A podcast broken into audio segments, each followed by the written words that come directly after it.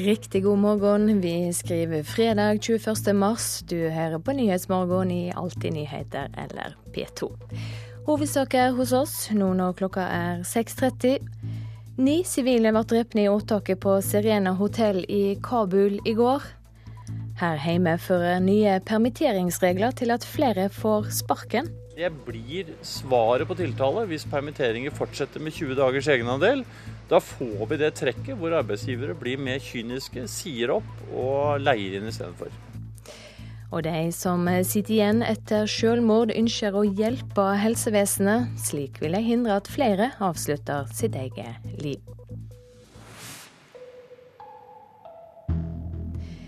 I studio i dag Silje Sande.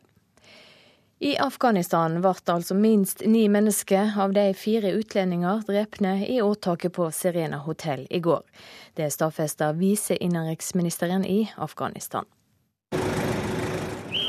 Tungt bevæpnede afghanske soldater stiger ut av grønne pickupbiler i gaten utenfor Serena hotell. Hotellet som regnes som det tryggeste i Kabul, men som er kjent for de fleste nordmenn pga. angrepet i 2008, da en norsk journalist ble skutt og drept i et angrep på hotellet. I går skjedde det igjen.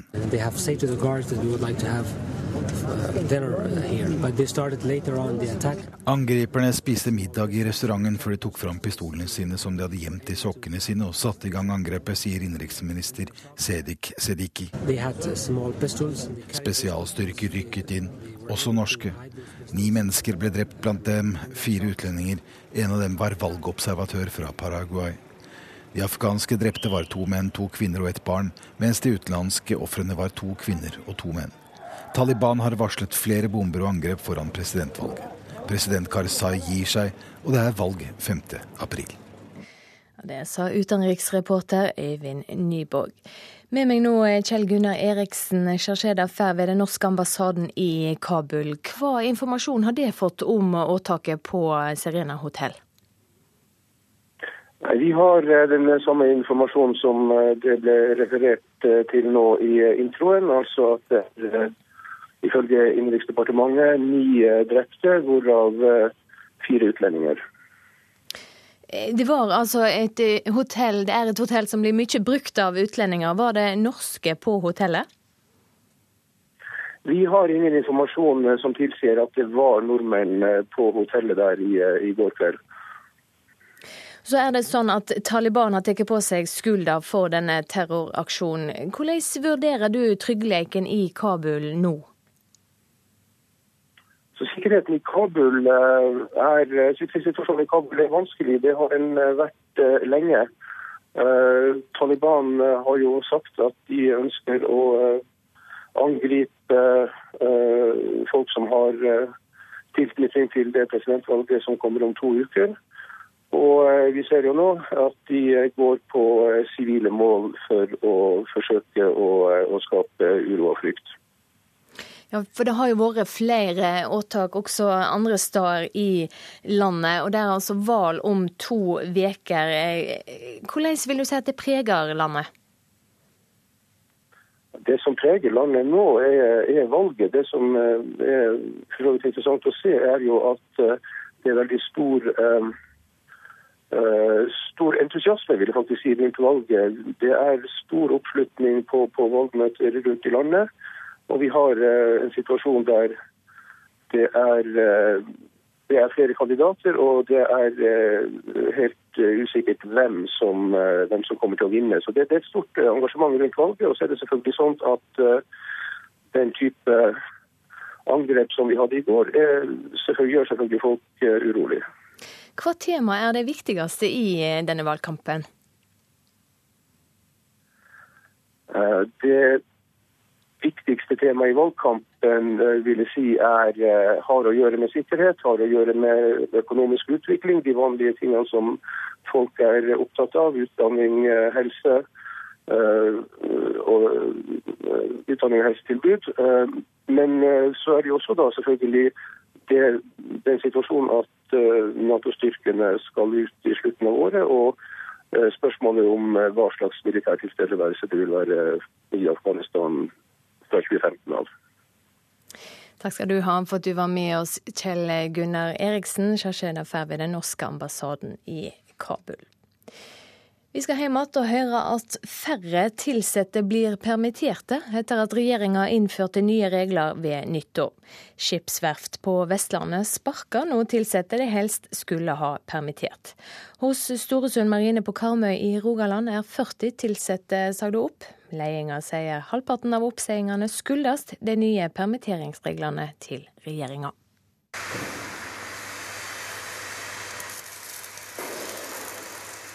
Rutinerte hender sveiser nye stålkonstruksjoner hos skipsverftet til Storesund Marine på Karmøy. Men med for få ordrer til å lønne alle ansatte, måtte ledelsen nylig ta en ubehagelig avgjørelse.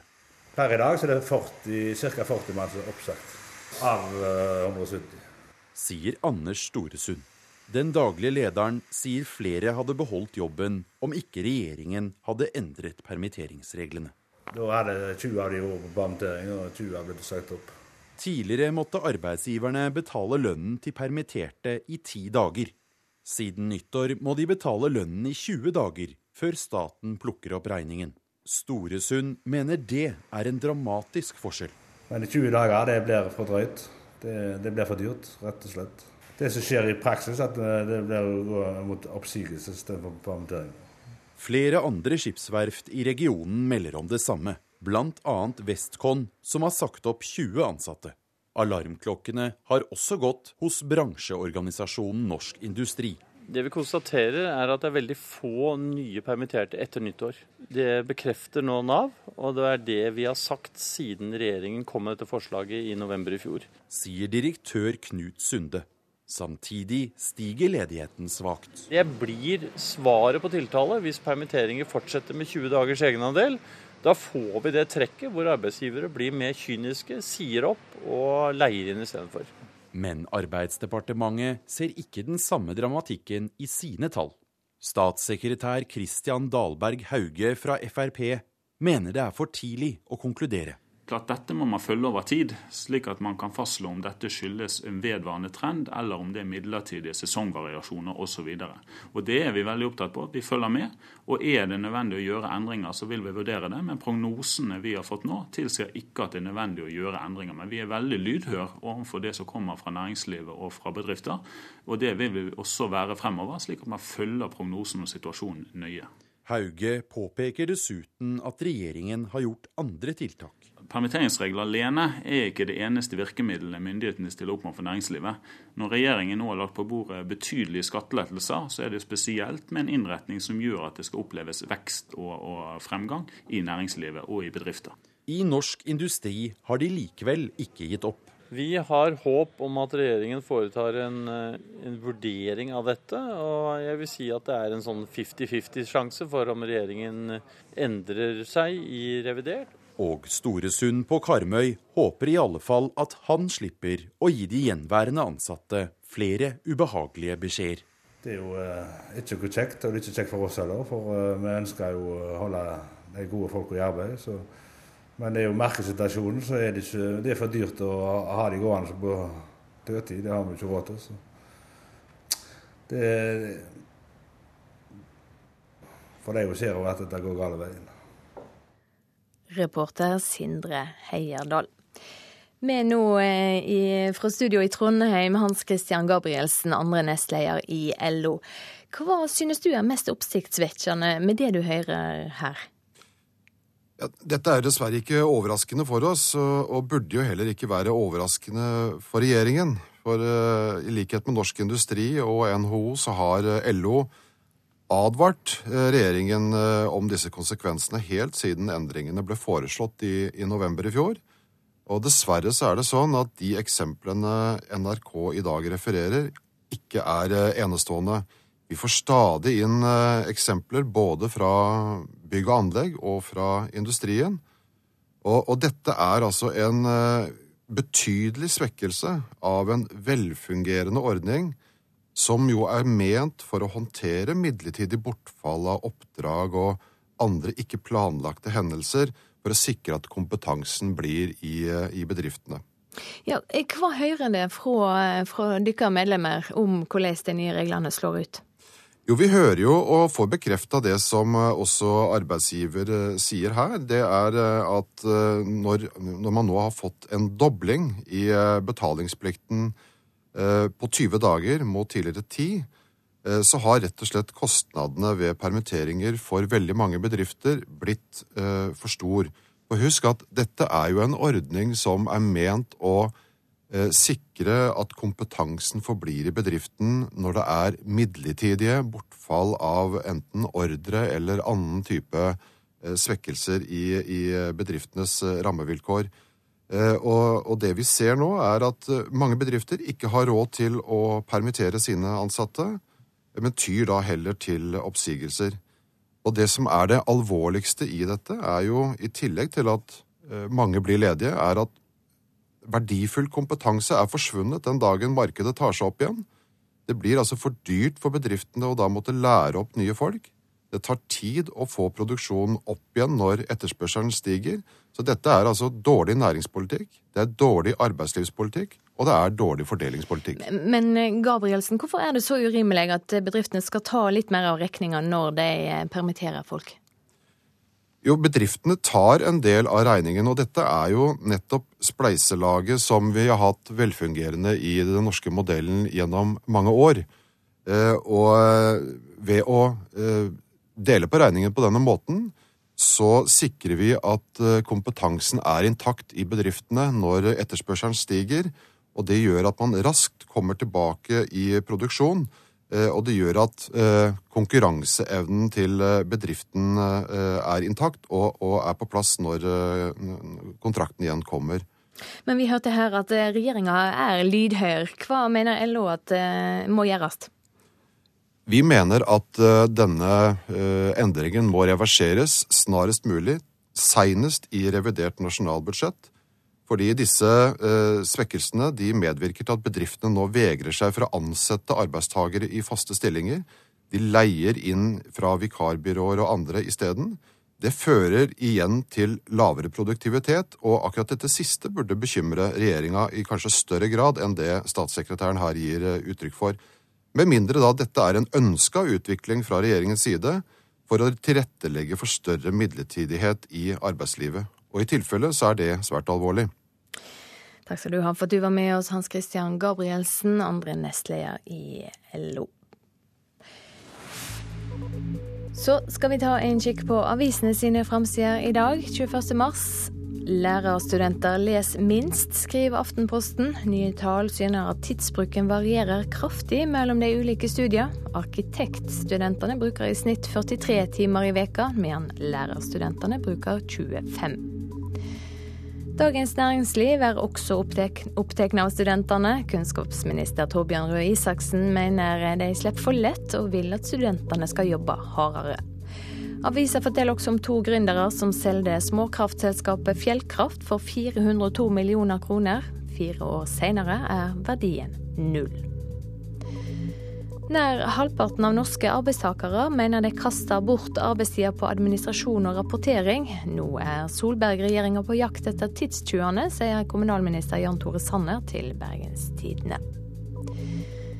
Finansavisen spør på si framside om Norwegian-sjef Bjørn Kjos er i ferd med å kjøpe flyselskapet Air Berlin. Sjøl vil han ikke kommentere spekulasjonene. Dagbladet forteller om norske barn sine skjulte liv på nettet. Avisa har også snakka med polititopp og forfatter Hanne Kristin Rode, som forteller at hun har fått alternativ behandling, bl.a. fra Snåsamannen. Frp-politikeren Aina Stenersen vil fjerne tabu knytta til sjølskading. Til Dagsavisen forteller Stenersen at hun kutta seg sjøl over 1000 ganger gjennom tenåra. Flymysteriet er hovedoppslaget i VG, som skriver om nye spor og nye teorier. Avisa forteller også om 18 år gamle Karoline som ikke ble invitert med på skoletur fordi hun har downs. Nesten alle norske privatskoler bryter lova, forteller Klassekampen. Utdanningsdirektoratet har bl.a. avdekka dårlige bygg, usaklige opptaksregler og tvilsom økonomistyring hos ni av ti norske privatskoler. Å preke om svik blir aldri det samme igjen, sier sokneprest Egil Strei Nordberg til Vårt Land. Han og kona investerte 1,9 millioner kroner i en aksjeklubb, men ble svindla. Og Nasjonen er opptatt av norsk skogindustri i dag. Investorer leter etter gode ideer og etterlyser mer forskning på trebransjen for å få fram bedrifter som vokser og tjener penger.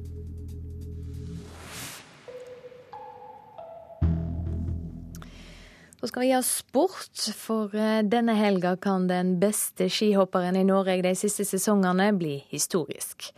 Anders Bardal kan gå forbi Roar Jøkelsøy, som til nå har flest pallplasser i verdenscupen for Norge.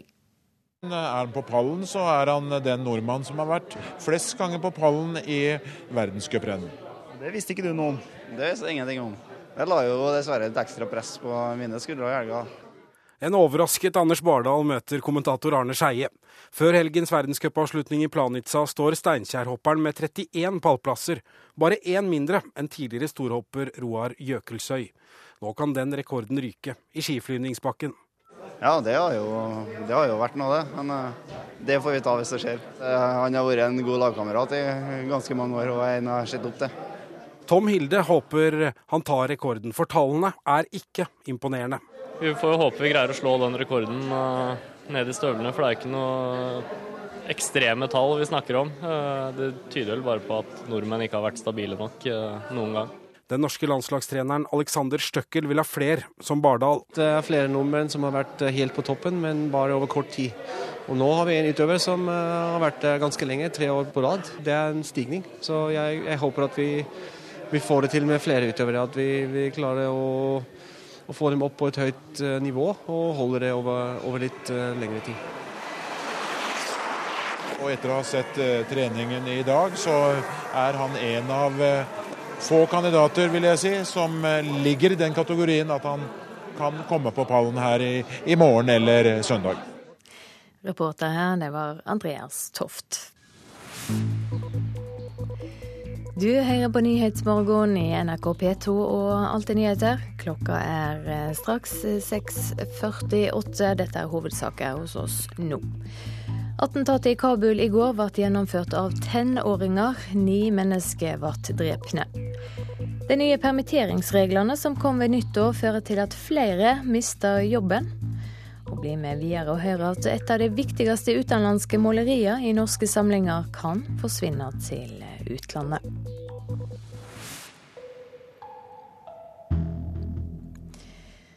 For eh, under to år siden mista Einar Skibevåg kona si, og Laila Husevåg mista broren sin. Hvert år tar flere enn 500 personer livet sitt, og langt flere dør av selvmord enn i trafikken. Som pårørende ønsker både Laila og Einar å bli mer involverte og være en ressurs for helsevesenet. Hverdagen etter et selvmord er vanskelig, sier Laila Husevåg. Det er ikke en dag uten at jeg tenker på det. Liksom, nå var det den første jula etterpå, det syntes jeg var vanskelig. Og så var det fødselsdagen hans nå den 20. februar, syntes jeg var kjempevanskelig. Nå kommer påsken, og tida da det er et år siden. Det kommer sikkert til å bli tøft. Helge Husevåg jobber til daglig som fisker. Men etter at fiskeforretningen ble lagt ned og ålefisket ikke lenger ble lovlig, ble hverdagen en annen.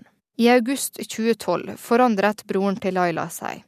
Han var til behandling hos Haugaland DPS, men kom ut på permisjon mars 2013. Så den 27. april, da var helgen med sjøen, og jeg forsto at det hadde skjedd noe, for han kom ikke opp igjen.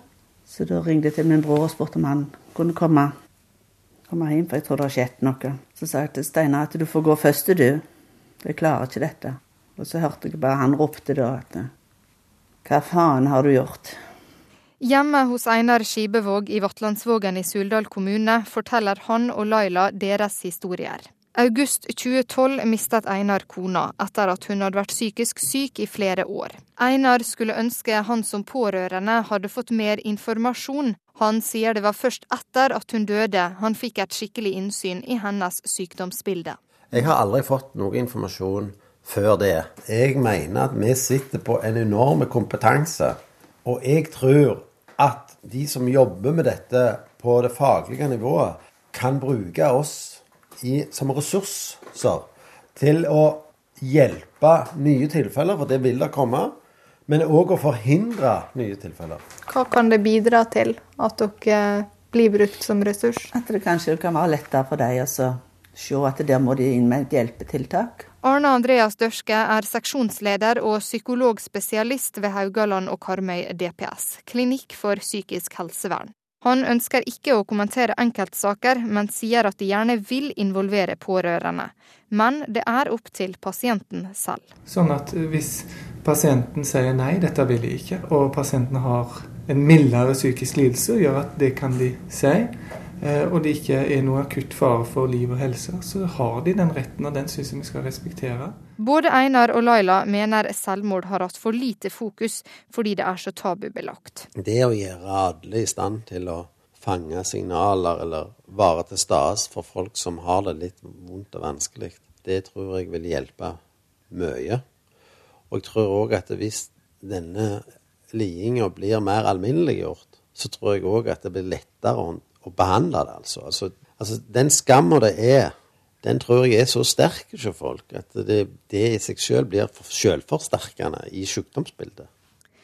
Reporter Maria Kristina Vevang. I dag blir det avgjort hva som skal skje med et omstridt måleri som har vært eid av Henny Onsdag kunstsenter i mange år.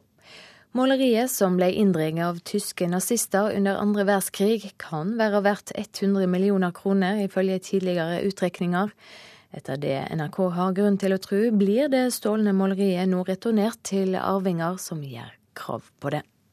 Det er et uh, vakkert uh, bilde av Matisse, malt i 1937. Uh, en en ung kvinne som sitter i en lenestol. Direktør ved Henny Onsdag kunstsenter, Tone Hansen, skildrer måleriet 'Blå kjole i okergul lenestol' av Henri Matisse, et av kjerneverkene til den franske kunstneren. Det er et bilde som har fulgt museet fra, fra starten, og har selvsagt vært viktig. Måleriet var i eie til kunsthandleren Paul Rosenberg da tyske nazister konfiskerte det i 1941. På 50-tallet kjøpte Nils Onstad verket, og stilte det senere ut på Henny Onstad kunstsenter. Det har vært uvisse rundt hvem som eide måleriet før det kom Nils Onstad i hende. Tone Hansen sier dette har vært ei utfordring for museet. Vi har vært gjennom eh, mange arkiver eh, og dokumenter og bevis i denne saken, og har kartlagt eh, eierhistorikken så godt det lar seg gjøre. Siden 2012 har etterkommerne etter Pål Rosenberg gjort krav på å få bildet tilbakelevert. Etter det NRK har grunn til å tro, vil dette nå skje. Det vil i så fall være i tråd med internasjonale avtaler om nazikonfiskert kunst. Et svært viktig verk kan da forsvinne ut av Norge. Jeg kjenner ikke til at vi har så betydelige eh, Matisse-verk. Det sier direktør ved Nasjonalmuseet, Audun Eckhoff. Dette er eh, av den absolutt eh, det øverste sjikt av eh, utenlandske verk vi har i norske samlinger. Han tror ikke vi kan vente at det dukker opp lignende tilfeller ved andre norske museum. Jeg tror dette er en veldig spesiell sak. Denne saken har jo ført til betydelig interesse for nettopp dette, om, om det finnes lignende tilfeller. Og i Nasjonalmuseet så har vi jo eh, gått gjennom våre samlinger, og det er ingenting som ligner på dette eh, i vår samling, f.eks.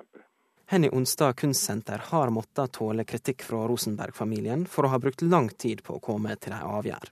Tone Hansen på si side mener kunstsenteret har nytta tida godt. Nå er dette en historie langt tilbake i tid. Det er mange dokumenter som er vanskelig å få tak i, arkiver som man skal gjøre avtale med. Så å bruke to år på en sånn prosess er eh, faktisk eh, ganske gjennomsnittlig for et museum per i dag. Og direktør Tone Hansen ved Henny Jonstad kunstsenter vil ikke si hva som kommer til å skje med måleriet før på en pressekonferanse senere i dag. Reporter Lars Ivar Nordahl. Ruskenpatruljen i Oslo rydda 110 tonn med søppel i fjor. Det er nesten fem ganger mer enn året før. Ifølge de som rydder gatene, er det ikke tvil om at folk kaster mer bås nå enn for få år siden. Det er ei utfordring, fordi det stadig blir flere innbyggere i hovedstaden. Her ser du litt, vet du. Her ser du dekk og spylevæskekanner og plastikk og alt mulig søppel. Vi strør om oss med stadig mer avfall. På bussholdeplassen, i parken eller rett og slett ved siden av søppelbøttene og returpunktene. Og kommunens folk kommer og rydder. Det, det, jeg reagerer på, det er jo hvor mye sofaer og senger som blir satt på fortauene.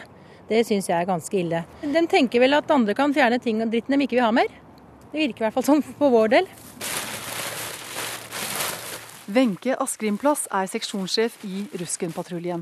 I fjor ryddet hun og kollegaene unna 110 tonn med avfall fra Oslos gater.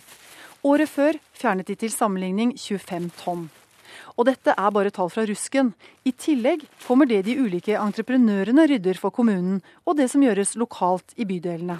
Det forteller eh, to ting. Det er jo at det offentlige rom blir brukt mer og mer. Jan Hauger er Rusken-generalen i Oslo kommune. Og det andre det sier, er at vi kanskje ikke er eh, flinke nok til å bruke avfallsdunkene våre som er satt ut, som vi har 3000 av her i Oslo.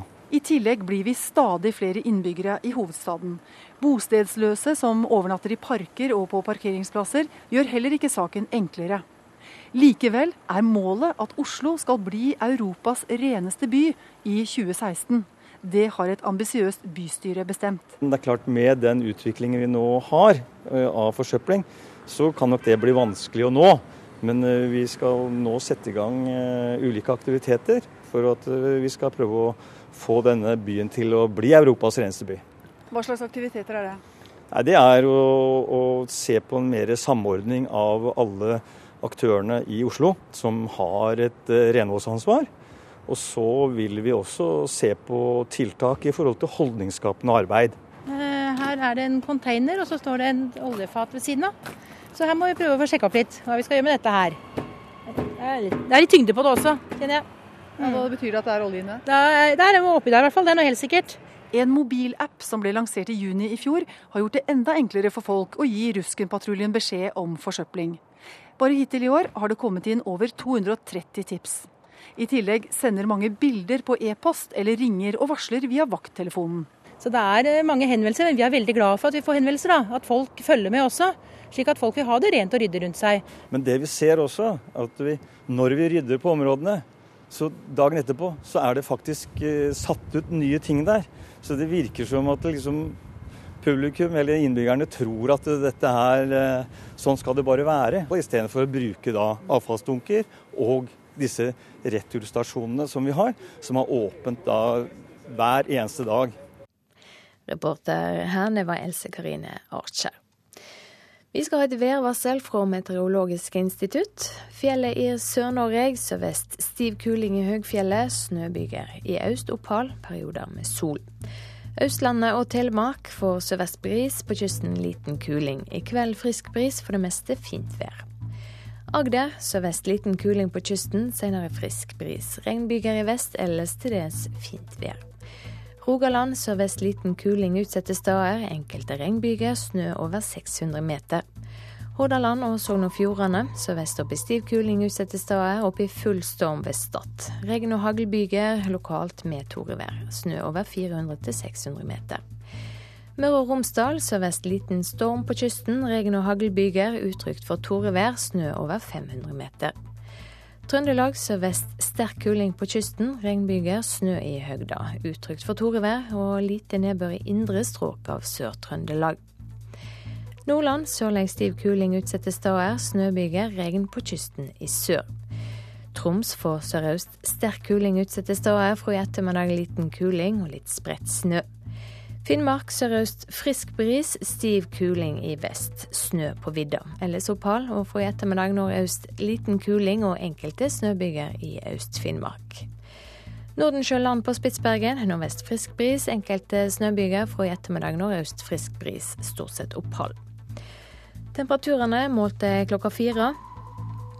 Svalbard lufthavn minus 7, Kirkenes minus 14, Vardø minus 6, Alta minus 8, Tromsø-Langnes minus 5, Bodø minus 2, Brønnøysund pluss 3, Trondheim-Værnes 0, Molde 3, Bergen-Flesland 5, Stavanger 5, Kristiansand-Kjevik 6, Gardermoen og Lillehammer 4, Røros 0, Oslo-Blindern 5. Videre er det ventet at det blir litt varmere i Nordland, litt kaldere sør for Stad og Dovre, ellers i landet uendra. Hør ekko. Minecraft, World of Warcraft og Wordfood. Ni av ti ungdommer og stadig flere voksne bruker verdifull fritid til å spille på nett. Er det et problem? Var det bedre den gangen vi måtte nøye oss med yatzy, kortspill og monopol? Ekko 9 11 i NRK P2. Fysisk makt brukes overraskende ofte i skolen, sier fylkesmenn og fagfolk. Taliban angriper sivile i Afghanistan for å skape uro og frykt før valget. Her er NRK Dagsnytt klokken sju. Oftere enn mange tror bruker lærere fysisk makt mot elever, sier fagfolk og forskere. I dag er tvang i skolen bare lov dersom det er fare for helsen til elev eller lærer. Utdanningsdirektør hos Fylkesmannen i Vestfold, Kari Evensen, sier det må bli slutt på at lærerne bruker skjønn. Hun sier tvang må bli lov, men kraftig regulert. Vi har kommet til en gråsone som gjør det komplisert for lærerne, komplisert for lederne og kanskje litt rettsløst for elevene. Det er på tide med en generell gjennomgang og gå gjennom med tanke på at det kanskje bør komme en hjemmel for tvang også i skolen, som klargjør dette feltet. I Afghanistan ble minst ni mennesker, av dem fire utlendinger, drept i angrepet på Serena hotell i Kabul i går. Sharj Dafer ved den norske ambassaden i Kabul, Kjell Gunnar Eriksen, sier det er farlig i byen nå. Sikkerheten i Kabul er, sikkerhetssituasjonen i Kabul er vanskelig. Det har den vært lenge. Taliban har jo sagt at de ønsker å angripe folk som har tilknytning til det presidentvalget som kommer om to uker. Og vi ser jo nå at de går på sivile mål for å forsøke å, å skape uro og frykt. Ratingbyrået Fitch varsler nedgradering av Russlands kredittverdighet etter at EU og USA har innført sanksjoner mot russiske tjenestemenn. Utsiktene for Russland er endret fra stabile til negative. Påtalemyndigheten ønsker strengere straff for to av de som ble dømt i den store barneransaken i Oslo i februar. Saken blir anket til lagmannsretten. Erik Førde ved Oslo statsadvokatembete sier til Dagsavisen i dag at de har bestemt at de anker straffeutmålingen for to av de domfelte. Valget i Thailand er ugyldig, mener landets grunnlovsdomstol. Grunnen er at valget ikke fant sted på samme dag over hele landet, og det er i strid med Grunnloven. Dessuten ble valget forstyrret i en femdel av valgkretsene rundt om i landet. Statsminister Yinlok Shinawat utlyste nyvalg i landet i et forsøk på å dempe opptøyene som hadde pågått i flere uker. Demonstranter ønsker fortsatt å bli kvitt regjeringen til statsminister Yingluck. Valget 2.2 er heller ikke helt ferdig gjennomført, fordi det har blitt stanset av disse demonstrantene. NRK Dagsnytt, Ida Creed.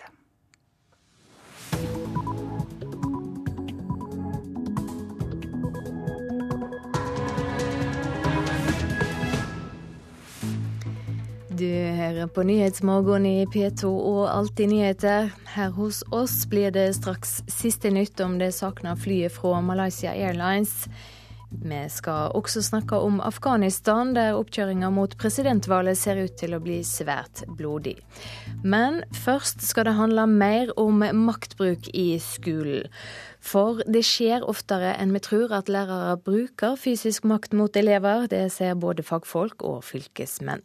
Det er ikke lov å holde fast, lugge eller sperre inne elever, men fylkesmennene får likevel ofte inn slike klagesaker. Skolene mangler klare regler, sier utdanningsdirektør hos Fylkesmannen i Vestfold, Kari Evensen. Vi har kommet til en gråsone som gjør det komplisert for lærerne, komplisert for lederne, og kanskje litt rettsløst for elevene.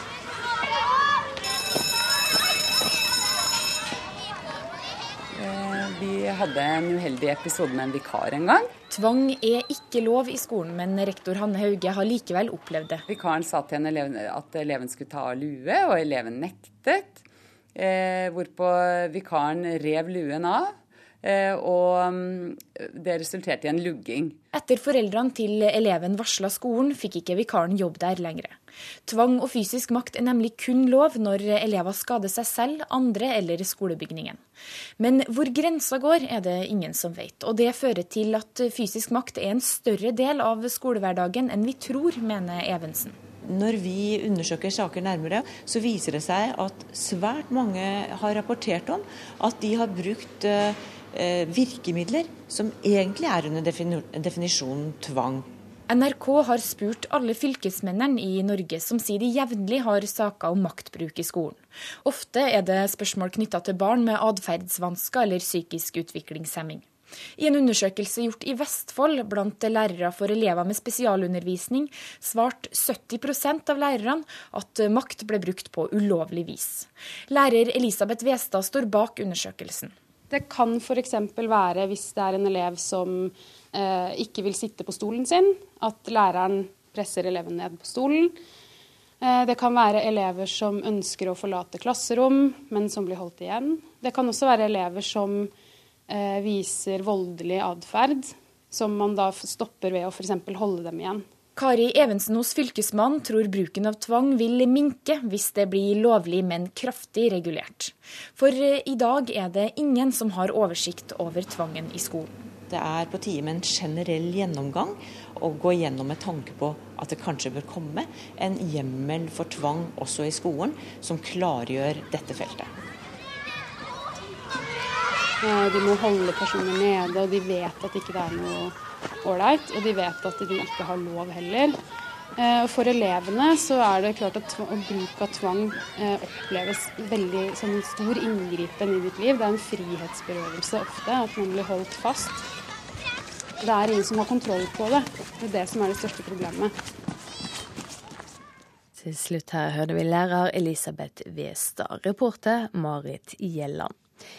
Med meg nå stipendiat i rettsvitenskap ved Universitetet i Tromsø, Marius Storvik. Du forsker på tvangsbruk i skolen og psykiatrien. Hvordan blir tvang brukt i, skolene i dag? Jeg har, jeg har, jeg har snakka med en rekke lærere og, og rektorer, ansatte i skolevesenet, og prøvd å finne ut hvordan tvang er det som faktisk utøves, og finne ut at det er en stor forskjell på den tvangen som faktisk skjer, og den tvangen som man har lov til å, til å utøve. Men jeg har ikke foretatt en stor empirisk undersøkelse av det. Fortell mer om denne forskjellen. Det jeg gjorde, var det at jeg tok og gikk inn på, på gikk gjennom alle tilgjengelige dommer eh, og undersøkte hva, hvordan tvang er det som utføres i skoler. Og så fant jeg ut at, at domstolene aksepterer domstolen setter ned foten når det er slag, spark, lugging eller det gjentatte tilfeller uten advarsel. All annen tvang enn det synes det som at domstolen aksepterer. Men den tvangen som domstolen da aksepterer, er da mer, altså det er den mer inngripende tvang enn det, enn det regelverket nå åpner opp for. Ja, er du samd i at vi, det er en gråsone her? Ja, det er en stor gråsone. Og problemet, problemet med den gråsona er det at lærerne er nødt til å utøve den tvangen for å få til undervisninga til å fungere. Og barna blir da skadelidende. For når en lærer, hvis det skjer at en lærer går over streken, så er det ikke noe registrering. Det finnes ingen kontroll som gjør at det barnet sin rettssikkerhet blir satt i fare. Så det trengs en generell gjennomgang? Etter min oppfatning så trengs det det, ja. Mm. Eh, kan du si litt om hva dette fører til? At det ikke er noe oversikt over den malsbruken som faktisk skjer? Etter min oppfatning så fører det til et rettssikkerhetsproblem. Eh, fordi at barna, barna, får ikke den oversikten over hva det er som skjer. Eh, eh Pro problemet er at når man ikke har oversikten over den tvangen som faktisk skjer Det finnes, det finnes ikke hjemler for å lage til tvang, man har ikke oversikt over det som skjer. Og det gjør at tvangen utøves uten noen form for kontroll. Det gjør det at der en lærer ikke er snill, eller en lærer går for langt, så blir det ingen korreksjon av det. Og det gjør det at barnet risikerer å bli sittende med svarte per. Samtidig så tror jeg at de aller fleste tilfellene der tvang skjer, at det skjer innenfor fornuftige rammer. Og inntrykket mitt er det at skoler gjør det som er nødvendig, og gjør det som de ville ha gjort dersom de hadde hatt hjemler. Problemet i dag er at det ikke finnes noen form for kontroll, det finnes ikke noen form for overprøving. Men, men, men altså dersom en, en, gjennomgang kan føre til klare heimler, ville det gjøre situasjonen lettere for alle, kanskje? da? Kanskje, men så er det jo en avveining på dersom man får klare hjemler, så risikerer man jo da økt papirarbeid og økt administra administrasjonsarbeid i skolene. Så er det spørsmål om det er hensiktsmessig. Og for å vite om det er hensiktsmessig, så bør man vite kanskje litt mer om hvor stort det behovet er. Så forskning kanskje aller først? Kanskje forskning aller først, ja. Mm. Takk skal du ha for at du var med oss, Marius Storvik, stipendiat i rettsvitenskap ved Universitetet i Tromsø. Vi skal gjøre et langt hopp, for det skal handle om det savna Malaysia Airlines-flyet. Bedre værforhold kan gjøre arbeidet lettere for de som nå er i gang med å lete etter det savna flyet utenfor kysten av Australia. I studio nå utenriksmedarbeider Halvard Sandberg. Søket pågår fremdeles i området der eh, det som kan være vrak, vrakrester er observert av satellitter. Eh, hva skjer nå? Hvordan foregår letinga? Det foregår da med skip og med fly. Det er eh, fire fly som skal være i aktivitet, minst fire fly som vil være i aktivitet i dag. Eh, kanskje det viktigste er et amerikansk Poseidon eh, overvåkningsfly som har en kraftig radar som kan se veldig små detaljer på overflaten. Eller så er det Orion-fly fra New Zealand og Australia. Og også en eh, C-130 Hercules som bistår i dette søket. Så får de selvfølgelig logistikkstøtte fra land og beregninger av hvor kan dette vrakgodset være. Og i dag så har de jo snevret inn søkeområdet, for de har fått mer informasjon om havstrømmer og lignende. Og så er været blitt bedre? Været skal ha blitt bedre i eh, søkeområdet, men eh, dette er et område hvor været kan eh, skifte relativt raskt. Så foreløpig er de optimistiske og kunne gjennomføre mer nøyaktige søk enn de gjorde i går. Det var jo store håp i går. Hvor store er sjansene for at flyet faktisk er i dette området, når det ennå ikke er gjort funn? Det er de beste beregningene til nå om hvor flyet kan ha beveget seg etter at det ble sist ble observert, og ut fra eh, informasjon som er gitt til satellitter, som gir dem mulighet til å si at her kan det være. Men det man konsentrerer seg om nå, er jo å finne det man tror kan være vrakgods. Altså det som man fysisk plasserte på et geografisk punkt på søndag. Vi vet at det ble tatt bilder av noe på søndag. Hvor er det nå? Finn det, og så bekreft om det er fra flyet eller ikke. Hvis det ikke er fra flyet, så må man starte på nytt. Hva skjer eh, dersom det blir funnet vrakrester etter flyet? Hvis det blir funnet vrakrester vrakvester etter flyet i dag, så er det jo det norske skipet i området som har den viktigste oppgaven. Å komme seg dit og bekrefte at dette faktisk er flydeler, og kanskje få noe om bord. Og finne f.eks. serienummer og lignende. Eller så eh, er det jo å vente på at et spesialskip fra den australske marinen skal komme frem om noen dager, heter det, som har utstyr til å kunne heise opp større deler og kunne gjøre undervannssøk.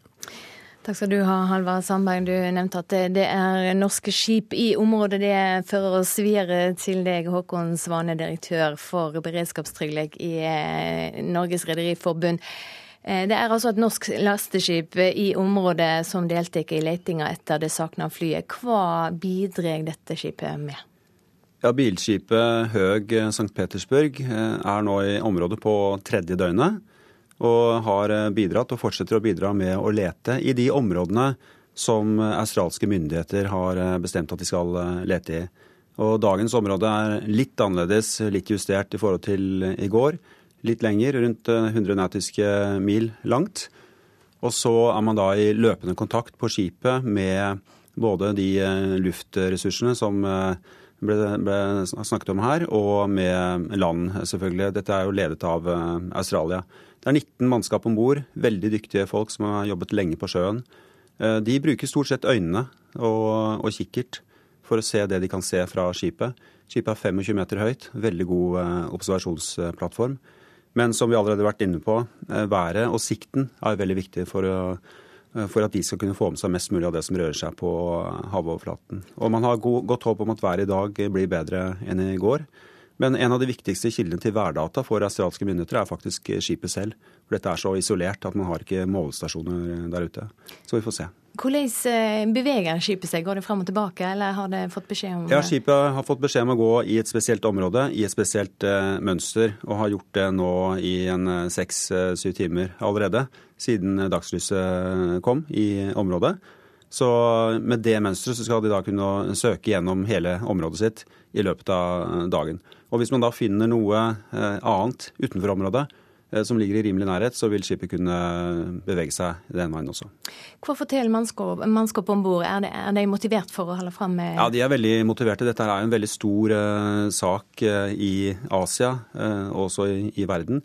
Men det er også en, et mannskap på et norsk skip som tilhører en, en tradisjon hvor man faktisk er veldig opptatt av å, å hjelpe til der man er når man blir kalt opp for å finne folk som er i havsnød eller på annen måte er ute på havet og trenger eh, hjelp eller bistand. Så de, eh, de er motiverte. Hvor ofte skjer det at en blir bedt om å hjelpe til i, i søk? Eh, det skjer jo jevnlig, vil jeg si. Stort sett så skjer det når man, når man finner flyktninger, båtflyktninger, enten i denne delen av verden eller i det østre Middelhav f.eks., hvor det jo er et økende, en økende flyktningstrøm etter alt det som har skjedd i, i Nord-Afrika, Libya, Syria. Så, så, der kommer man stadig bort i denne typen oppgaver. Man blir bedt om å bistå lokale kystvakter eh, osv. Og, og sist nå i, eh, Filippinene, hvor man da bisto for man var til stede med et skip. Og, kunne bistå et, og, og da er svaret alltid ja? Ja, da er eh, svaret ja. Det skal mye til at de sier eh, nei. Eh, de blir jo anmodet om å delta. Det ligger ikke noe eh, krav Eh, men det er jo en sterk, eh, altså det ligger noen forpliktelser i noe som heter SOLAS-regelverket. Men hvor mye man bidrar, er litt opp til det enkelte skip og rederi. Og jeg vil si at vi har en tradisjon i Norge for å bidra ganske eh, solid. Og Dersom dette skipet skulle finne noe, så er det australske styresmakter som får beskjed? Da får de først beskjed, og da vil skipet sikre det funnet de har gjort. Og så vil de forholde seg til det Australia bestemmer. Takk skal du ha for at du kom i studio til oss, eh, Håkon Svane fra Norges Rederiforbund. Klokka er 7.16. Du hører på Nyhetsmorgen, og dette er hovedsaker hos oss nå. Fysisk makt blir brukt oftere i skolen enn vi tror. Det forteller både fylkesmenn og fagfolk. Færre ansatte blir permitterte etter at regjeringa innførte nye regler ved nyttår. I stedet for får folk sparken. Og det nærmer seg eksamenstid. Om litt skal vi møte studenter som skal opp i joik.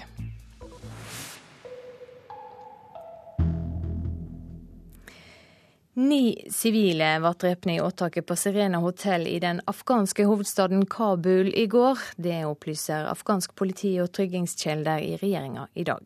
Det var fire utlendinger og også barn mellom de drepne. Det var fire tenåringer som eh, tok seg inn i hotellet i går kveld og begynte å skyte. Etter en stund ble gjerningsmennene skutt og drepne. Det er seks år siden det var et annet åtak mot hotellet Mehamn. eh, utenriksminister Jonas Gahr Støre var der. Da ble den eh, norske journalisten Karsten Thomassen drepen. Med meg nå Anne Stenersen, forsker ved Forsvarets eh, forskningsinstitutt. Hvorfor er dette hotellet på nytt målet for et åtak? Ja, Serena hotell er jo et av de symbolske målene i Kabul. Det er et hotell som er, som er kjent for at det bor mange utlendinger der. Eh, og det er et hotell som er veldig godt beskyttet. Eh, og det er også det ligger mye symbolverdi i å klare å angripe den type mål for Taliban. Ja, hva forteller det om situasjonen i Afghanistan nå, at det faktisk går til åtak mot dette hotellet? Dette angrepet er en rekke er et av, et av en rekke angrep som har skjedd i Kabul de siste årene. Det skjer stadig vekk angrep av denne typen. Eh, så eh, Det skiller seg for så vidt ikke ut fra andre angrep som har funnet sted de siste årene. Eh, det som er spesielt med dette angrepet, er at de klarer å angripe, angripe et såpass godt beskytta mål. Ja, For nå nærmer det seg jo valg i landet, og flere utenlandske styrker trekker ut sine folk, slik at afghanerne må klare seg sjølve. Hvordan er situasjonen i Afghanistan når det gjelder trygging? Eh, sikkerhetssituasjonen er eh, alvorlig, eh, men afghanske myndigheter har relativt god kontroll på Kabul. Det man ikke hører om i media, det er at det er veldig mange angrep som blir avverget, og som derfor ikke blir utført. Som blir stanset av sikkerhetsstyrker. Sikkerhetsstyrkene har blitt ganske kompetente. Men fordi det er så mange angrep som forsøkes utført, så er det likevel noen som da slipper igjennom. Sikkerhetssituasjonen nå fram mot valget vil nok fortsette å være sånn som den er nå. Eh, Taliban har jo varslet at de vil eh, utføre eh, ytterligere angrep på selve valgdagen for å forsøke å stanse valget. Eh, afghanske myndigheter på sin side vil nok også eh, trappe opp sikkerheten på den dagen, eh, fordi det er veldig stort press nå på at valget skal gå som planlagt. Tilbake til det som skjedde i går. De som gikk til åtak var altså gutter under 18 år. Taliban har tatt på seg skulda. Hva sier det? Det er ikke uvanlig at Taliban tar på seg skylda for et såpass viktig og stort angrep som har fått mye medieoppmerksomhet. Det at angriperne er under 18 er for så vidt ikke så uvanlig. Eh, Taliban er kjent for å rekruttere eh, gutter eh, og menn, gjerne mellom 15 og 25. Så de ligger innenfor den kategorien som Taliban, som Taliban vanligvis rekrutterer. Men altså, to uker til valget, kan vi vente oss mer og mer attentat de neste dagene? Eh, det vil i hvert fall være forsøk på det. Ehm, eh, det gjenstår å se hvor mange som, eh, som, blir utført, hvor mange som klarer å slippe gjennom disse store sikkerhetstiltakene som nå sannsynligvis allerede er innført i Kabul. Så det vil nok være litt tilfeldig hvor mange angrep vi faktisk kommer til å se. Men det vil i hvert fall være en intensjon om å utføre angrep. Tusen takk skal du ha for at du kom i studio, Anne Stenesen, forsker ved Forsvarets forskningsinstitutt.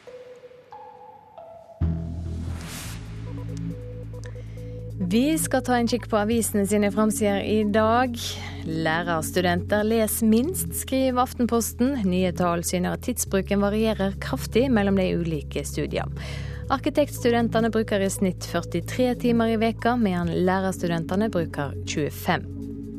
Dagens Næringsliv er også opptatt av studentene. Kunnskapsminister Torbjørn Røe Isaksen mener studentene slipper for lett, og vil at de skal jobbe hardere. Dagens Næringsliv forteller også om to gründere som solgte småkraftselskapet Fjellkraft for 402 millioner kroner. Fire år senere er verdien null.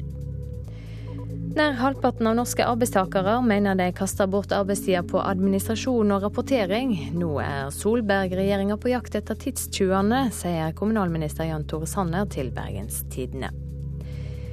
Finansavisen spør på si framside om Norwegian-sjef Bjørn Kjos er i ferd med å kjøpe flyselskapet Air Berlin. Sjøl vil han ikke kommentere spekulasjonene. Dagbladet forteller om norske barn sine skjulte liv på nettet. Avisa har også snakka med polititopp og forfatter Hanne Kristin Rode, som forteller at hun har fått alternativ behandling, bl.a. fra Snåsamannen. Frp-politikeren Aina Stenersen vil fjerne tabu knytta til sjølskading. Til Dagsavisen forteller Stenersen at hun kutta seg sjøl over 1000 ganger gjennom tenåra. Flymysteriet er hovedoppslaget i VG, som skriver om nye spor og nye teorier. Avisa forteller også om 18 år gamle Karoline, som ikke ble invitert med på skoletur fordi hun har downs. Nesten alle norske privatskoler bryter lova, forteller Klassekampen. Utdanningsdirektoratet har bl.a. avdekket dårlige bygg, usaklige opptaksregler og tvilsom økonomistyring hos ni av ti norske privatskoler.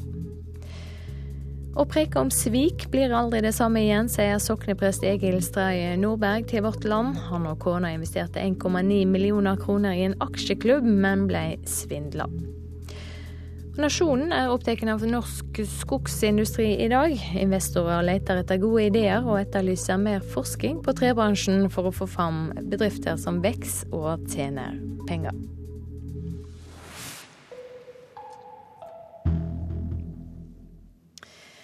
Nå skal vi høre at organisasjoner som driver frivillig rusarbeid, må bruke svært mye tid og ressurser på å sikre penger til drifta. Brukerorganisasjonen Marborg hadde i fjor like høye regnskapsutgifter som det de fikk i tilskudd fra Tromsø kommune og Fylkesmannen i Finnmark til sammen. Dette fører til kraftige kutt i tilbudet til brukerne, sier leder av Marborg, Vidar Håvik. Konsekvensen er jo at eh, vi bruker såpass mye ressurser og tid på administrasjon og søknader og rapporteringer at eh, ja, at brukere, Vi må si nei til brukere og fagpersonell eh, utenfor Tromsø, som jo egentlig skriker etter, etter våre støtter og, og innspill. Problemet har vart i mange år, og det er sammensatt, sier Hårvik. Det er en haug med tilskuddsordninger og enormt mye byråkrati og rapporteringer eh, som spiser opp ressursene våre. I fjor ser det ut til at vi har eh, regnskapsutgifter på ca. 140 000. Det er omtrent tilskuddet fra Tromsø kommune og tilskuddet fra Fylkesmannen i Finnmark lagt sammen. I dag samles de fem frivillige brukerorganisasjonene i Norge for å diskutere mulige tiltak. LARNET Norge er brukerorganisasjonen for de som får legemiddelassistert rehabilitering. Leder Karen Elise Følling sier til NRK at arbeidet de gjør lider under uforutsigbare tilskuddsordninger. Og Jon Storås, leder av rusmisbrukernes interesseorganisasjon RIO, er spesielt bekymra for det som skjer i Nord-Norge. Ja, Vi måtte gå ned på en eh, stilling eh, fordi at vi gikk med store underskudd i Nord-Norge veldig vanskelig å rekruttere frivillige også. Vi hadde jo et håp om at når de blå-blå kom til makta nå, så har de jo vært eh, ja, jeg holdt på å si stor i kjeften, men iallfall sagt veldig mye om, om, eh, at de skulle styrke rusfeltet og, og brukerorganisasjonene og alt det der. Og foreløpig ser vi enormt lite til det. Reporter Kristine Østfold. Knapt noen sted i verden kan en høgskole skilte med et eget studietilbud i joik, men Høgskolen i Nord-Trøndelag har det. Nå er det eksamenstid for både studentene og for professor Frode Fjellheim. Hva er joik på sitt mest intense og kraftfulle? Det spurte vår reporter om. Det er jo vanskelig å si det med ord, for det er jo nettopp joikens vesen at den ikke bruker ord. Men i mange Du kan kanskje si at det er en forlengelse av språket. Så hvis jeg skulle ha forklart eh, hvor kraftfull joiken er, så må jeg vel sånn gradvis gå over i joik for å, for å kunne besvare spørsmålet. Så det, det, krever jo da litt kjennskap til joik for å forstå hva jeg da altså, uttrykker. En del av svaret, det du hadde her i stad. Ja. Mm.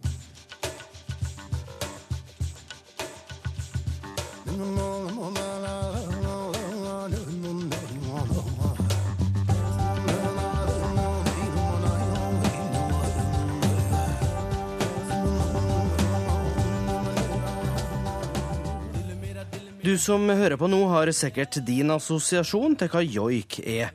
Noen tenker på Sami Ednan fra Melodi Grand Prix, andre minnes kjenningsmelodien til TV-serien om Ante, eller eh, kanskje sanger fra Mari Boine eller Frode Fjellheim.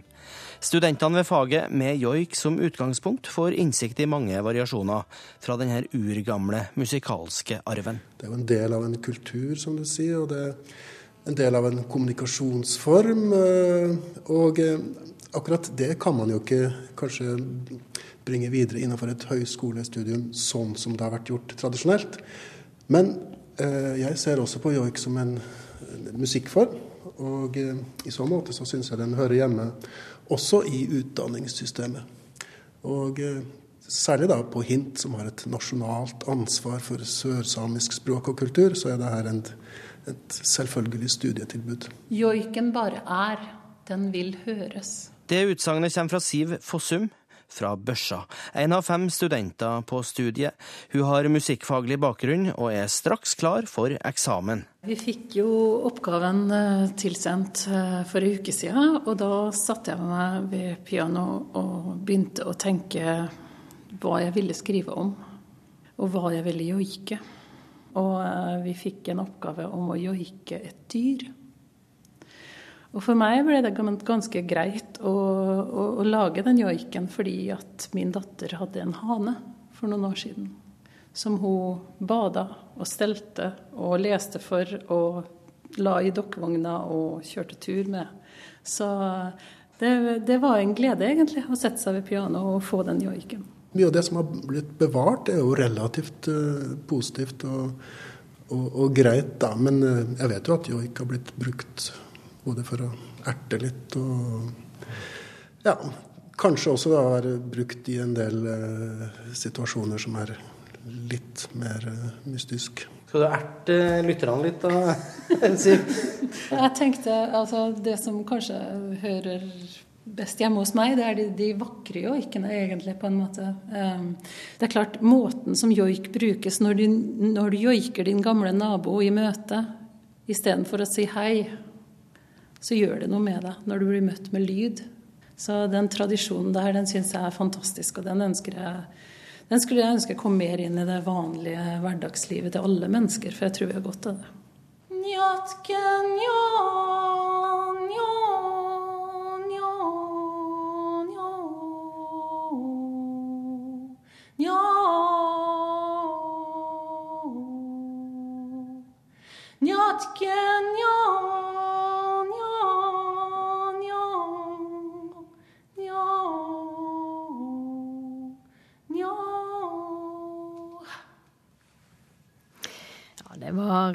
Siv Fossum fra Børsa som ga oss den joiken rett før hun skulle inn til eksamen i går. Reporter her, det var Jørn Haudemann Andersen. Klokka nærmer seg halv åtte. Det blir straks eh, Dagsnytt her i Nyhetsmorgen. I reportasjen etter nyhetene skal vi til Brasil og høre om en mann som har starta sin egen homokirke.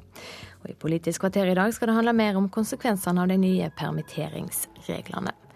Produsent for Nyhetsmorgen i dag, Eli Bjelland. I studio, Silje Sande.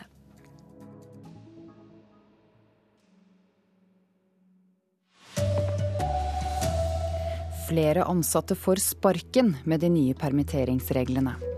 Lærere lugger, holder fast og sperrer inne. Varsko om bruk av fysisk makt mot elever i skolen. Kjent Matisse-maleri på Norsk museum var eh, stjålet av nazister. Nå får arvingene det tilbake. Her er NRK Dagsnytt klokken 7.30. Færre ansatte permitteres etter at regjeringen innførte nye regler ved nyttår. Det merkes hos eh, skipsverft på Vestlandet, som nå sparker ansatte de helst skulle permittert. Hos Storesund Marine på Karmøy er 40 ansatte sagt opp. Ledelsen sier halvparten av oppsigelsene skyldes regjeringens nye permitteringsregler. Rutinerte hender sveiser nye stålkonstruksjoner men med for få ordrer til å lønne alle ansatte, måtte ledelsen nylig ta en ubehagelig avgjørelse. Per i dag er det 40, ca. 40 mann som er oppsagt av 170. Eh, sier Anders Storesund. Den daglige lederen sier flere hadde beholdt jobben om ikke regjeringen hadde endret permitteringsreglene. Da er det 20 av de vært på permittering, og 20 har blitt sagt opp. Tidligere måtte arbeidsgiverne betale lønnen til permitterte i ti dager. Siden nyttår må de betale lønnen i 20 dager, før staten plukker opp regningen. 20 dager, det blir for drøyt. Det, det blir for dyrt, rett og slett. Flere andre skipsverft i regionen melder om det samme. Alarmklokkene har også gått hos bransjeorganisasjonen Norsk Industri. Det er veldig få nye permitterte etter nyttår. Det bekrefter nå Nav, og det er det vi har sagt siden regjeringen kom med dette forslaget i november i fjor. Sier direktør Knut Sunde. Men Arbeidsdepartementet ser ikke den samme dramatikken i sine tall. Statssekretær Christian Dahlberg Hauge fra Frp mener det er for tidlig å konkludere. Klart Dette må man følge over tid, slik at man kan fastslå om dette skyldes en vedvarende trend, eller om det er midlertidige sesongvariasjoner osv. Men prognosene fremover så er det ingenting som tilsier en arbeidsmarkedssituasjon som gjør at reglene må endres umiddelbart. Reporter her var Sindre Heierdal. Fylkesmenn over hele landet blir jevnlig varslet om elever som blir holdt fast, lugget og sperret inne av lærere, selv om det ikke er lov. Utdanningsdirektør hos Fylkesmannen i Vestfold, Kari Evensen, sier det mangler regelverk. Vi har kommet til en gråsone som gjør det komplisert for lærerne, komplisert for lederne og kanskje litt rettsløst for elevene. Det kan f.eks. være hvis det er en elev som ikke vil sitte på stolen sin, at læreren presser eleven ned på stolen. Lærer Elisabeth Westad har undersøkt tvangsbruken på utagerende barn i skolen. 70% av lærerne sa makt ble brukt på ulovlig vis. Det kan også være elever som eh, viser voldelig atferd, som man da stopper ved å f.eks. holde dem igjen. Lærere har ikke lov til å bruke fysisk makt mot elever. Kun hvis elever skader seg selv, andre eller skolebygninger er det lov. Men hvor grensa går, er det ingen som vet. Og det fører til at fysisk makt er en større del av skolehverdagen enn vi tror, sier Kari Evensen. Når vi undersøker saker nærmere, så viser det seg at svært mange har rapportert om at de har brukt Eh, virkemidler som egentlig er under definisjonen tvang. Hun mener det må komme en lov som regulerer tvang i skolen.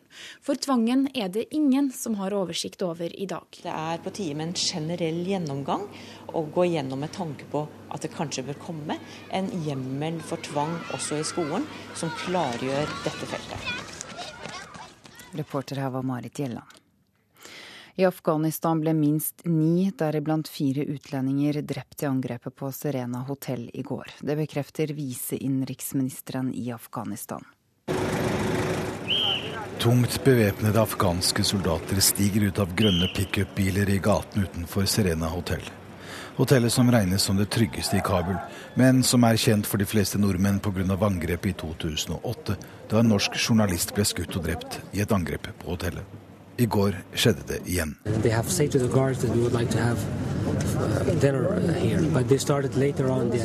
Angriperne spiste middag i restauranten før de tok fram pistolene sine som de hadde gjemt i sokkene sine, og satte i gang angrepet, sier innenriksminister Sedik Sediki.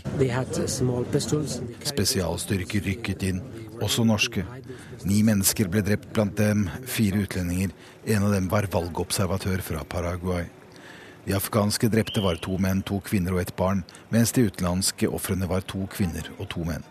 Taliban har varslet flere bomber og angrep foran presidentvalget. President Karzai gir seg, og det er valg 5. april. Sa utenriksreporter Øyvind Nyborg. Bedre vær kan gjøre søket etter det savnede Malaysia Airlines-flyet enklere. Det norske skipet Høg St. Petersburg hjelper til i leteaksjonen, men foreløpig har de ikke funnet noe som helst, sier direktør for beredskapssikkerhet i Norges Rederiforbund Håkon Svane. De meldingene vi har fått, er at de så langt ikke har funnet noe signifikant, som de sier. I det øyeblikket de finner noe, så vil det være Australia de rapporterer til først. Det norske skipet Høg St. Petersburg er inne i sin tredje søkedag etter det savnede Malaysia Airline-flyet. Så langt har man ikke funnet noe av betydning, men direktør for beredskapssikkerhet i Norges Rederiforbund, Håkon Svane, forteller at skipet i dag fortsetter søket i nye områder. Det norske skipet Høg St. Petersburg fortsetter å lete etter det som australske myndigheter ønsker at de skal lete etter, i det området som Australia har, har bestemt at skipet skal lete i. Det er jo mange utfordringer i letearbeidet. Det, den viktigste utfordringen er jo den Australia bl.a. har med å finne ut mer nøyaktig hvor et skip, som jo beveger seg ganske sakte, skal lete. For et skip kan jo dekke over et, et mindre område. Reporter her var Henrik Agledal. Etter det NRK har grunn til å tro, kan et av de viktigste utenlandske maleriene som finnes i norske museer, forsvinne til utlandet. Matisse-maleriet, som ble konfiskert av tyske nazister under andre verdenskrig, har blitt anslått å ha en verdi på 100 millioner kroner. Det er et uh, vakkert bilde av Matisse, malt i 1937. Direktør ved Henny Onstad kunstsenter, Tone Hansen, skildrer måleriet 'Blå kjole i okergul lenestol' av Henri Matisse. Det er et bilde som har fulgt museet fra, fra starten, og har selvsagt vært viktig. Måleriet var i eie til kunsthandleren Paul Rosenberg da tyske nazister konfiskerte det i 1941. På 50-tallet kjøpte Nils Onstad verket, og stilte det senere ut på Henny Onstad kunstsenter. Det har vært uvisse rundt hvem som eide måleriet før det kom Nils Onstad i hende. Vi har vært gjennom mange arkiver og dokumenter og bevis i denne saken, og har kartlagt eierhistorikken så godt det lar seg gjøre. Siden 2012 har etterkommerne etter Pål Rosenberg gjort krav på å få bildet tilbakelevert. Etter det NRK har grunn til å tro, vil dette nå skje. Et svært viktig verk kan da forsvinne ut av Norge. Jeg kjenner ikke til at vi har så betydelige eh, Matisse-verk. Det sier direktør ved Nasjonalmuseet, Audun Eckhoff. Dette er eh, av den absolutt eh, det øverste sjikt av eh, utenlandske verk vi har i norske samlinger. Og direktør eh, Tone Hansen ved Henny Jonstad kunstsenter vil ikke si hva som kommer til å skje med maleriet, før på en pressekonferanse som holdes senere i dag. Reporter Lars Ivar Nordahl. Norges ishockeyforbund leter etter sanksjonsmuligheter mot klubbene som bruker utenlandske spillere ulovlig. I går kom det frem at flere norske ishockeyklubber har brukt utenlandske spillere uten arbeidstillatelse. Foreløpig kan de ikke gjøre så mye med det, sier visepresident i forbundet Anne Danielsen Woods. Så vidt jeg vet nå, gjør de ikke det. Altså, den eneste kanskje man kunne se på, det er jo dette med at man, man gjør ting som, som ikke er bra for idretten generelt. Utlendingsdirektoratet påpekte overfor NRK i går at både Vålerenga, Tønsberg og Rosenborg har brukt ulovlig arbeidskraft i norske ishockeykamper. Så sent som i går kveld valgte likevel Tønsberg å spille med sine spillere i 5-1-seieren over Kongsvinger. Det endte med protest fra Kongsvinger, bekrefter styreleder Stian Ellingsen. Vi kommer til å legge inn en protest rett etter kampslutt. Vi krever at uh, Tønsberg skal bli fratatt poengene. Det må de gjerne gjøre. Det er en del av vårt, eh, vårt reglement og våre spilleregler at man kan komme med en protest. Men kan man protestere på noe som dere på en måte ikke har noen eh, regel mot? Det vil jo vise seg, da. Forbundet har varslet at de vil innføre en regel om arbeidstillatelse til neste sesong, men enn så lenge må de stå og se på at norske klubber bryter norsk lov. Ja, og UDI vurderer nå om de skal politianmelde saken, reporter Andreas Toft. Arne Fossland er ansvarlig for Dagsnytt-sendingene denne morgenen. Teknisk ansvarlig er Frode Thorshaug. Jeg heter Ida Creed.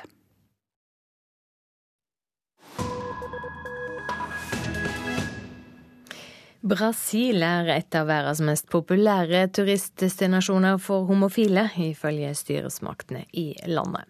Men å være homofil og evangelisk kristen er derimot ikke så lett i Latin-Amerikas største land. Det ville en mann gjøre noe med. Han starta sin egen homokirke. Og den har blitt svært populær, rapporterer Stig Arild Pettersen fra Rio de Janeiro. Her inne i Igreja Contemporania i Madureira nord i Rio de Janeiro, langt fra byens berømte strender, står aircondition på 18 kalde grader. For det er stappfullt i det lille evangeliske gudshuset denne onsdagskvelden. Folk synger av full hals, lovpriser Gud og ja, et uvanlig antall par av samme kjønn holder kjærlig rundt hverandre. Pastor Marcos Gladstone entrer scenen. Med et perfekt klippet hår, perfekt kledd i skreddersydd dress og med et lyseblått slips. Han holder forsamlingen på 200 mennesker i sin hule hånd. Det er ingen forskjell på denne kirken og andre evangeliske kirker, mener pastor Marcos. Bortsett fra én. E.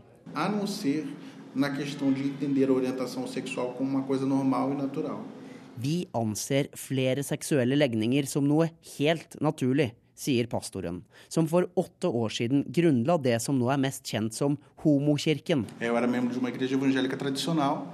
E?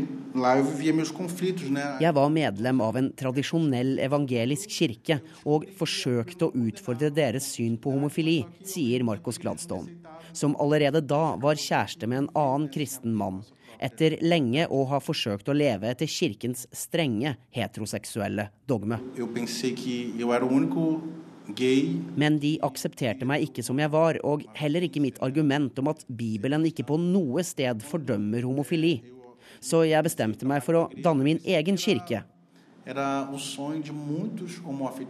Og det ble fort klart at veldig mange andre homofile hadde det samme behovet som meg, forteller Gladstone som selv har forfattet bestselgerboka 'Bibelen uten fordommer', der han tilbakeviser alle påstander om Bibelens fordømmelse av homofili. Vi har historien på vår side. Teologien har alltid vært i endring, sier pastor Marcos. Vi preker inkluderingsteologi. Por isso se chama contemporâneo. Exatamente, a gente, porque a gente veio pregar o mesmo evangelho que Jesus. Ja, og nettopp derfor kaller vi oss kontemporære. Fordi vi gjør som Jesus. Gjør opprør mot den bestående kirken og religionen. Han brakte de marginaliserte inn. Dette er en kirke for vår tid. Uma igreja do nosso tempo. É, é muito importante. En egen homokirke trengs virkelig, sier 26 år gamle Adriano til meg på kirketrappa etter gudstjenesten. Precisa porque as pessoas das igrejas tradicionais não nos aceitam. Elas falam que nós somos abominação, que nós vamos arder no mármore do inferno. Folk i vanlige kirker aksepterer oss ikke. De mener vi synder, at vi skal til helvete. De mobber oss, kritiserer oss, mener at vi er de verste menneskene i hele verden. Her kan jeg være fri.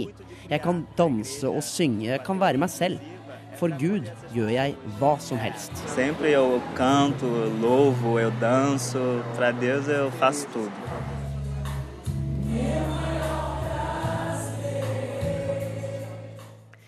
Ja, reporter i Rio de Janeiro, det var Stig Arild Pettersen. Klokka er 7.44. Hovedsaker i Nyhetsmorgen. De nye permitteringsreglene som kom ved nyttår, fører til at flere mister jobben. Det blir straks mer om dette i Politisk kvarter. Fysisk makt blir brukt oftere i skolen enn vi tror, forteller både fylkesmenn og fagfolk. Og attentatet mot Serena hotell i Kabul i går ble gjennomført av tenåringer. Ni mennesker ble drepne. Nå straks blir det Politisk kvarter i samsending med NRK1. Programleder der er Per Arne Bjerke.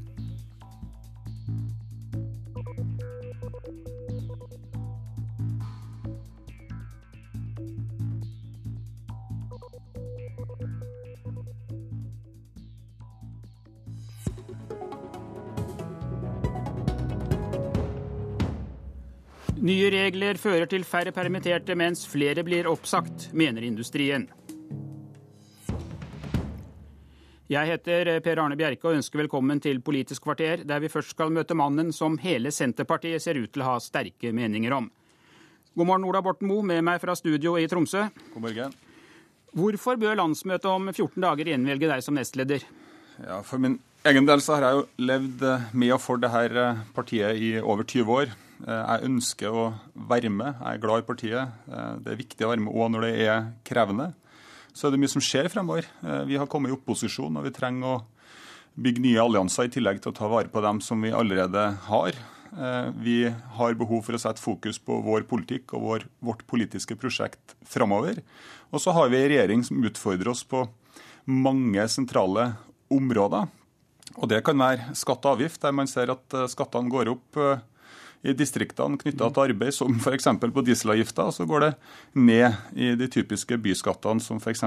på arveavgifta. Det kan være reservasjonsretten som må utfordre eh, prinsippet om at det skal være lik tilgang på helsetjenester over hele landet. Så de tingene eh, vil jeg eh, være med eh, og sette fokus på.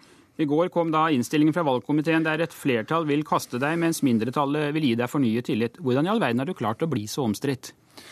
Ja, eh, både jeg og jeg tror svært mange i partiet observerer det som eh, nå har skjedd og utspunnet seg over de siste månedene, med både en grad av uh, forbauselse, men også føler at det er litt trist. Fordi at det her er jo et parti og et fellesskap som folk legger ned mye tid som man er glad i, og så opplever man at konfliktnivået blir så høyt.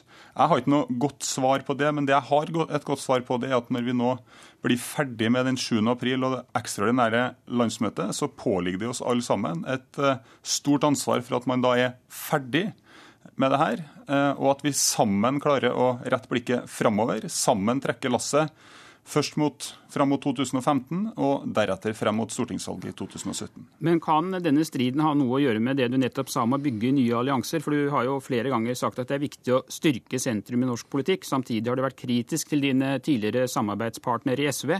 Ønsker du å dreie Senterpartiet mer i ikke-sosialistisk retning, eller gjør du det ikke?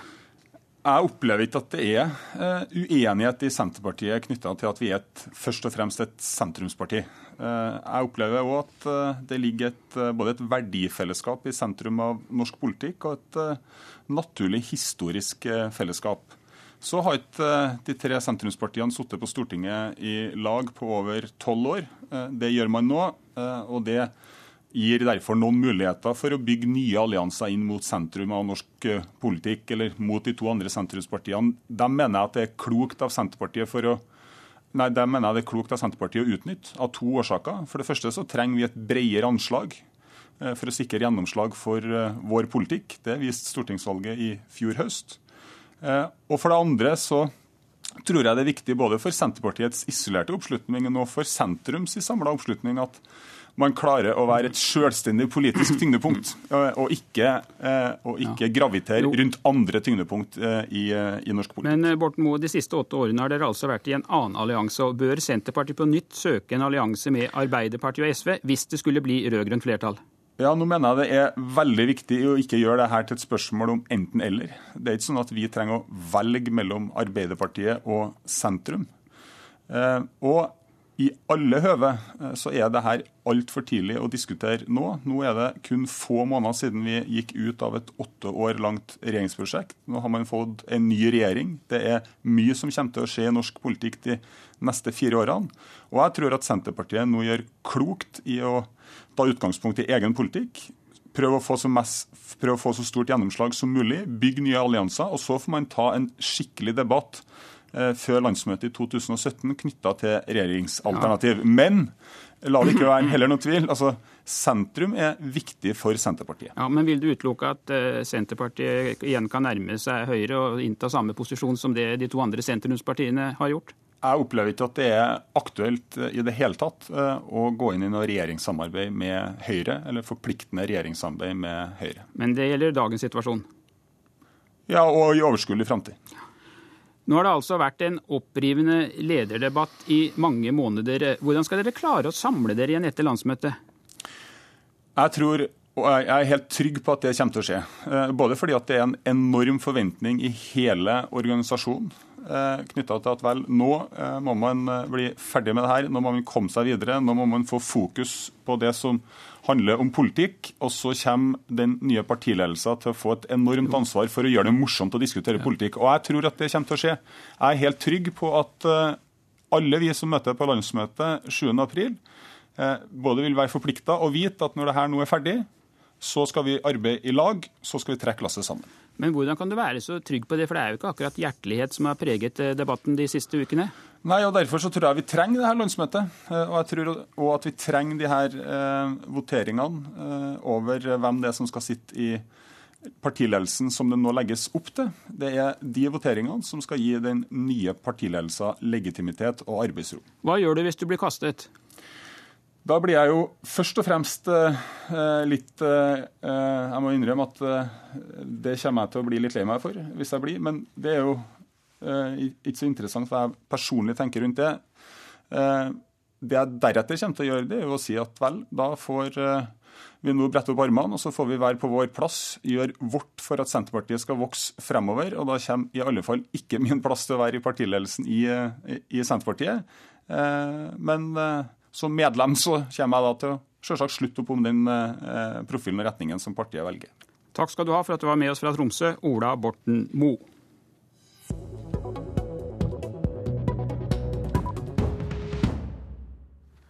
Fra nyttår ble det innført nye permitteringsregler. Det betyr at arbeidsgiverne må betale for en lengre periode av permitteringstiden, mens staten betaler mindre. Resultatet er, slik vi hørte i Dagsnytt tidligere i morges, at en del bedrifter velger å si opp ansatte i stedet for å gå til permitteringer når ordrene svikter. Arve Kampe, du leder arbeids- og sosialkomiteen på Stortinget og representerer Høyre, og er med meg fra studio i Haugesund. Hvorfor var det riktig å stramme inn permitteringsreglene når resultatet blir flere ledige, slik vi hørte eksempler på tidligere i dag? Hovedårsaken til at vi valgte nå i regjeringen å, å øke egenandelen på dagpenger for bedriftene, er rett og slett at uh, da var det sånn at bedriftene betalte en egenandel på 6% mens staten betalte 94% Vi mente at det var godt grunnlag for et helt annet balansepunkt, så vi økte det opp til, til 20 dager. altså i, Som i praksis vil si at bedriftene tar 10% av permitteringskostnaden, mens staten og skattebetalerne tar 90% Det mener vi er en, fortsatt en god ordning. Det er fortsatt flere tusen som bruker eh, permitteringsregelverket sånn som det er tilsikta. Så jeg tror at eh, vi skal skille mellom de som blir oppsagt pga. varige endringer i arbeidslivet, manglende eh, vinning av kontrakter, et redusert eh, marked i Europa som etterspør tjenester, eller det som da er midlertidig art. Og da har Høyre-Frp-regjeringen sagt at hele poenget med et permitteringsregelverk er faktisk for å ha fleksibilitet i arbeidslivet, og det slår meg i ringen. Nestleder i arbeidskomiteen og tidligere arbeidsminister Dag Terje Andersen fra Arbeiderpartiet. Hvorfor mener dere det var galt å endre permitteringsreglene? Ja, for det som eh, jo skjer, er at eh, i situasjoner der bedrifter tidligere vært permittert og har godt kvalifisert arbeidskraft på plass når markedet kommer tilbake, f.eks. etter en hard og kald vinter så blir det mer å gjøre i byggenæringa på, på våren. Eh, vi vil at de skal kunne beholde seriøs arbeidskraft, og det var ingen grunn til å legge den belastninga på industrien. Og det fikk vi jo, og på næringslivet, og det fikk vi jo veldig klare signaler om på høringene i komiteen. NHO og arbeidstakerorganisasjonene står her helt samla.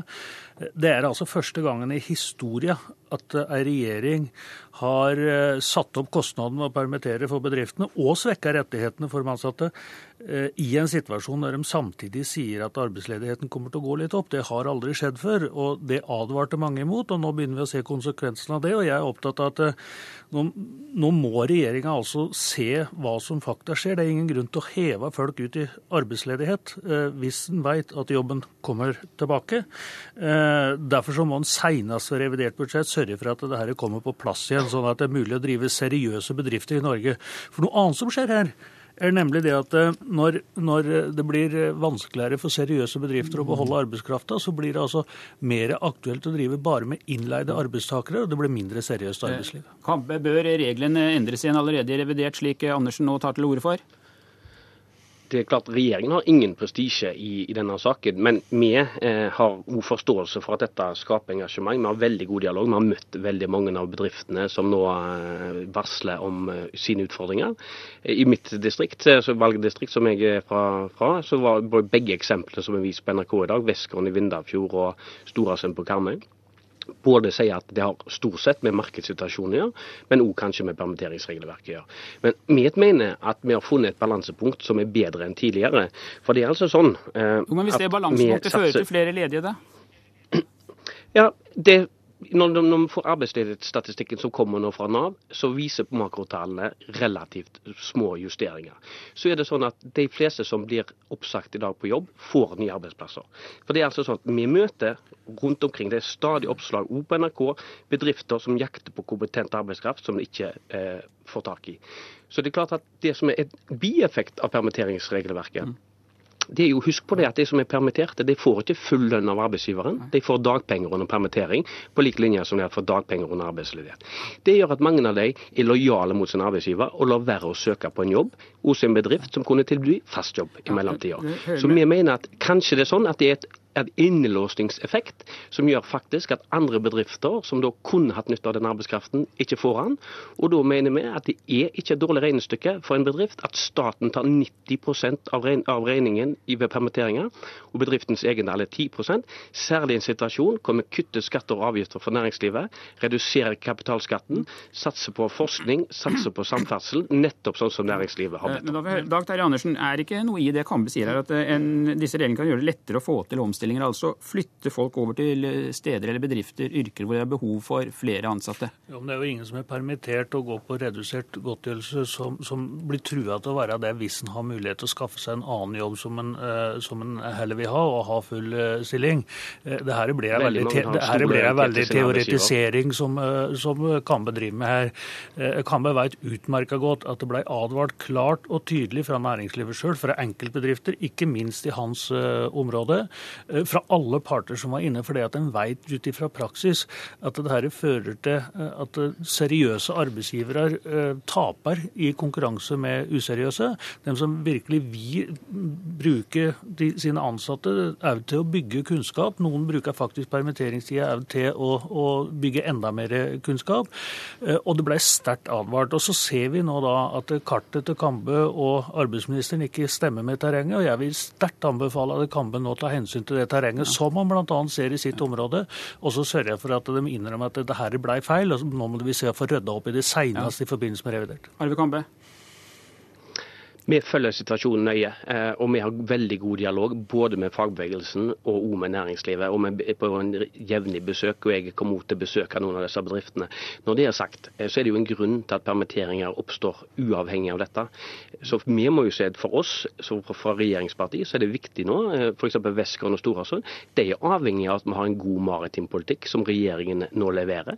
De er avhengig av at vi har en høy aktivitet på sokkelen, så det faktisk blir arbeidsplasser. De er avhengig av at vi har et skatte- og distriktspolitikk som funker. Og ikke minst så tror jeg veldig mange i næringslivet har gode forventninger eh, til, til, denne regjeringen. De rød-grønne hadde i åtte år eh, stort sett oppskrift på skjemakontroll og mistro til næringslivet. Denne regjeringen har, om, har, har forenkling, tillit og skattelettelser som ambisjon. Unnskyld jeg skjønner gjerne at Kambe gjerne vil snakke om noe annet. Vi rydda opp i masse på skjemaveldet og gjorde masse forenklinger i vår tid. Det er vi enige om. Vi hadde òg en aktiv næringspolitikk, det vil alle folk i bransjen si, men det er ikke det det her snakker om, Kambe. Dette er ett av de mange virkemidlene som regjeringa stiller opp med til et seriøst næringsliv i Norge, som kan utvikle kunnskap og beholde den. Og det er snakk om bare i de tilfellene der en har en periode med lav aktivitet, og en skal komme tilbake til aktivitet. Da trenger næringslivet i Norge at staten stiller opp i denne dugnaden. Det gjør det nå i mindre grad, og jeg håper dere innser at dette er feil, ja, at dere rydder opp så sant som Fikk du siste ordet, Dag Terje Andersen. Takk skal du ha, og takk til Arve Kambe. Og det var Politisk kvarter. Jeg heter Per Arne Bjerke og er tilbake mandag kvart på åtte i NRK1 og NRK P2.